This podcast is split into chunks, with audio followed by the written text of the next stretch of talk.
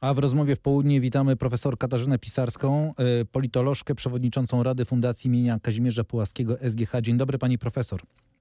Witam serdecznie Państwa. Pani profesor, nikt Putina nie powstrzyma, co strzeli mu do głowy, to zrobi. Pewnie słyszała Pani w naszych faktach przed chwilą. Tak mówi Krystyna Kurcza-Predlich, wieloletnia korespondentka w Rosji. Też tak Pani uważa? Tak, to jest argument, który powtarzamy, myślę, naszym zachodnim partnerom od dobrych dwóch lat, że jedną rzeczą, na którą nie należy liczyć, to jakaś zmiana w Rosji, e, zmiana nie tylko reżimowa, ale zmiana przede wszystkim e, zachowania tego państwa wobec swoich e, sąsiadów. I to oznacza, że my po prostu musimy się skupić na przygotowaniu na najgorsze warianty. Z jednej strony odstraszanie Rosji, tak aby nie zaatakowała państw NATO, a z drugiej strony no po prostu dozbrajanie się, tworzenie bardzo silnego frontu zachodniego wobec, wobec Rosji. Ale jak pani profesor mówi o najgorszych najgorszych wariantach, no to mi do głowy przychodzi jeden najgorszy wariant. Myśli pani o konflikcie zbrojnym? Żeby taki, żeby taki konflikt y, się nie zdarzył, no to trzeba być na nim przygotowanym. Więc oczywiście, że o nim myślę. Jeżeli byśmy o nim nie myśleli, to tak naprawdę byśmy zwiększali prawdopodobieństwo jego y, wydarzenia się. Y, Rosja, jak wiemy, respektuje tylko i wyłącznie siłę, siłę wojskową i tylko przekonanie na Kremlu, że Zachód, NATO będzie bronił faktycznie każdego skrawka swojego terytorium, sprawi, że Rosjanie nie posuną się dalej, czy to bezpośrednio bezpośrednio, czy też w sposób jakiś hybrydowy, ponieważ wiemy doskonale, że Rosjanie mają tendencję rozpoczynania wojen poprzez narzędzia hybrydowe, udające, że to nie oni coś robią, poprzez destabilizację.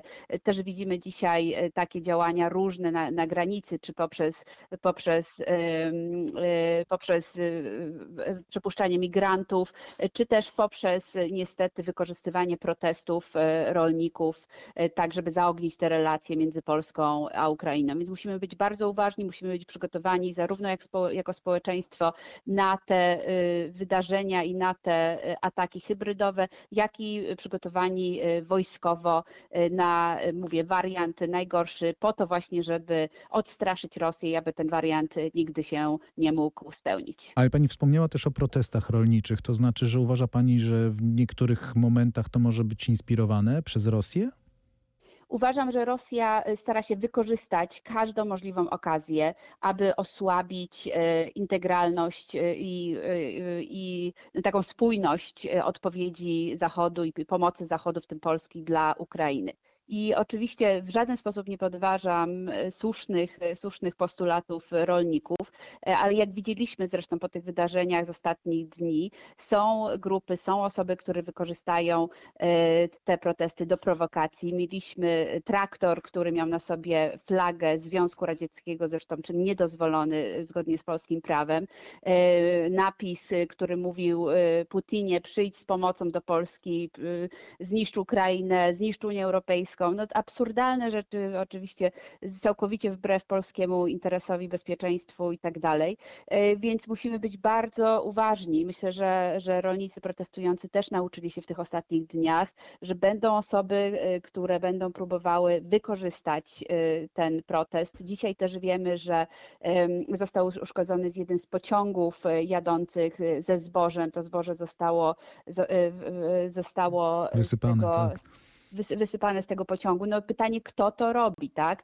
I oczywiście Rosjanie, i oczywiście no, pójdzie w świat informacja, że to polscy rolnicy robią, a bardzo możliwe jest, że to jest po prostu prowokacja rosyjska robiona e, rękami, rękami e, tutaj e, działającymi niestety na terenie Polski i Ukrainy, no po prostu służb rosyjskich. Pani profesor, mówiąc już wprost, takie zadając proste pytanie, ile czasu pani zdaniem nam zostało? Między eksperci zgadzają, się, że w zależności tak naprawdę od rozwoju sytuacji, y, z jednej strony na Ukrainie, a z drugiej strony od wyniku wyborów w Stanach Zjednoczonych. Y, jeżeli, y, jeżeli Ukraina się nie obroni, to znaczy jeżeli nie będzie miała stałych dostaw wojskowych, jeżeli faktycznie ten wielki pakiet pomocowy, który czeka, i to jest pakiet przede wszystkim w sprzęcie, konkretnym sprzęcie na 60 miliardów dolarów w kongresie, to wiemy i to jest potwierdzone informacje, Ukraińcy do końca marca no, skończy im się duża część amunicji, a do końca czerwca duża część pozostałego sprzętu. Więc jeżeli taki, taki scenariusz by się wydarzył, jeżeli ten front ukraiński by się załamał, jeżeli byśmy mieli od listopada prezydenta Stanów Zjednoczonych, który albo nieformalnie nawet wycofuje się z NATO, ponieważ formalnie nie może kongres, kongres taką ustawę w zeszłym roku przeprowadził, która nie pozwala prezydentowi bez zgody kongresu wycofać się z NATO, ale tu nie chodzi przecież o formalne wycofywanie się, wystarczy powiedzieć, że Ameryka nie będzie ingerowała w sprawy Europy. To wszystko może zachęcić Putina, żeby w ciągu trzech lat przygotować atak Trzy na lata? państwa NATO. Tak. Trzy lata to, Mówię, to jest za chwilę, pani profesor. w najgorszym scenariuszu, tak. Natomiast my się przygotowujemy na wojnę w kontekście, mówię, jeżeli, jeżeli rzeczy źle pójdą w kontekście 5 do 8 lat, my dopiero będziemy gotowi na taką konfrontację. Czy pani zdaniem elity, polityczne elity w Europie, nie mówię tylko o polskich, ale e, polityczne elity w Europie mają tego pełną świadomość i są do tego gotowe?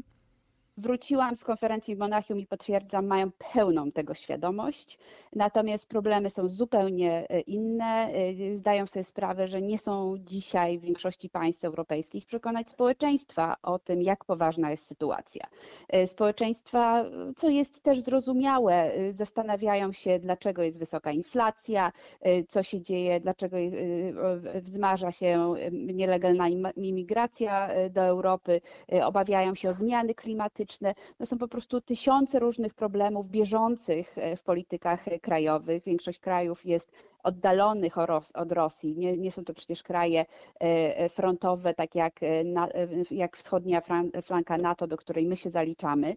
I bardzo trudno jest politykom, którzy, tak jak mówię, zdają sobie absolutnie sprawę z powagi sytuacji, zwłaszcza jeżeli, mówię, Amerykanie, Ameryka, obecność Amerykanów na kontynencie europejskim osłabnie. Po prostu politycy nie są w stanie dzisiaj w sposób, w sposób przekonywujący na Zachodzie rozmawiać ze społeczeństwami o tym, zagrożeniu, o zagrożeniu wojny. Tak? Społeczeństwa mają już poczucie, że jest i tak już tak wiele kryzysów w różnych miejscach świata, że bardzo trudno jest im wyobrazić sobie tak naprawdę jeszcze, jeszcze zaostrzenie się tej wojny na Ukrainie, a już zwłaszcza wariant, w którym NATO musiałoby prowadzić bezpośrednią wojnę w Rosji. Dla społeczeństw jest to scenariusz science fiction, ale niestety dla zarówno elit, jak i przede wszystkim dla nas, no to już jest scenariusz, na który się musimy przygotowywać. I stąd ta reorientacja polskiej polityki zagranicznej między innymi. Przychodzimy mniej Stanów Zjednoczonych, więcej Europy, odnowienie trójkąta weimarskiego to co obserwujemy w ostatnich tygodniach, tak pani myśli? My po prostu nie mamy wyjścia. Trzeba pamiętać, że w sytuacjach takich skrajnych, ale mówię tak jak mówimy w, sytuacjach skrajnych, te państwa, które będą wspomagać, bronić, chociażby państwa bałtyckie, bo one są najbardziej dzisiaj zagrożone, to są kraje, które będą najbliższe tym państwom. W pierwszej kolejności na pewno Polska, Niemcy, kraje skandynawskie. No to jest oczywiste, ponieważ ta bliskość konfliktu, to widzieliśmy w przypadku Ukrainy, sprawia, że te państwa automatycznie czują się zagrożone i rozumieją, że, że rozlewanie z tego konfliktu będzie dotyczyło ich lada moment, nie tylko poprzez napływ uchodźców, jak to widzieliśmy dwa lata temu z Ukrainy, ale również poprzez destabilizacyjny efekt takiego rozlanego konfliktu. No i oczywiście, więc my rozumiemy, że Europejczycy, nawet gdyby nie chcieli, to i tak będą musieli w ten, w, ten, w ten konflikt z Rosją się zaangażować, tak jak teraz się angażują pośrednio na terenie Ukrainy. Mhm. Oczywiście to nie wyklucza kluczowej, powiedzmy sobie szczerze, kluczowej roli Stanów Zjednoczonych, bo musimy mieć też bardzo jasny i, i trzeźwy pogląd. To było podkreślane w Monachium wielokrotnie, że potencjał wojskowy NATO w 80% jest poza Unią Europejską. Te 80% to są Stany Zjednoczone, Wielka Brytania i, i Turcja, które, które no nie są członkami, i Norwegia, przepraszam, które nie są członkami Unii Europejskiej i mają te 80% tak kluczowe dla obronności. Więc, ale oczywiście większość z tego 80% to są Stany Zjednoczone. Więc Europa nie jest w stanie, tak jak powiedziałam, w ciągu trzech lat ten, ten potencjał uzyskać. Zresztą część z potencjału w ogóle praktycznie nie będzie możliwe nawet przez przez dekadę najbliższą.